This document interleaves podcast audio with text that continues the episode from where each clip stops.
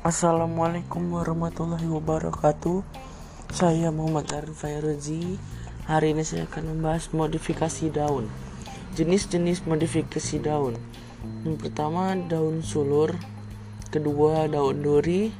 Ketiga pelodium Dan keempat insektivora Daun sulur. Ketika daun dimodifikasi menjadi struktur melingkar tipis Seperti benang yang disebut sulur Contoh tanaman yang memiliki daun sulur adalah anggur dan markisa. Daun duri. Daun dimodifikasi menjadi duri runcing untuk tujuan pertahanan ini dinamakan duri. Contoh tanaman yang memiliki daun duri adalah beberapa jenis beri dan bunga popi. Pilodium. Tangkai daun menjadi rata dan berwarna hijau Fungsinya mengurangi proses penguapan dari tumbuhan. Contoh, contohnya tanaman Australian Acacia. Insektivora. Beberapa tumbuhan tumbuh di tempat yang tidak subur.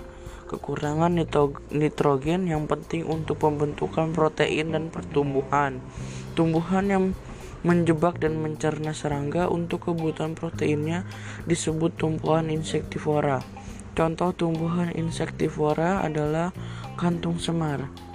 Sekian dari saya. Wassalamualaikum warahmatullahi wabarakatuh. thank you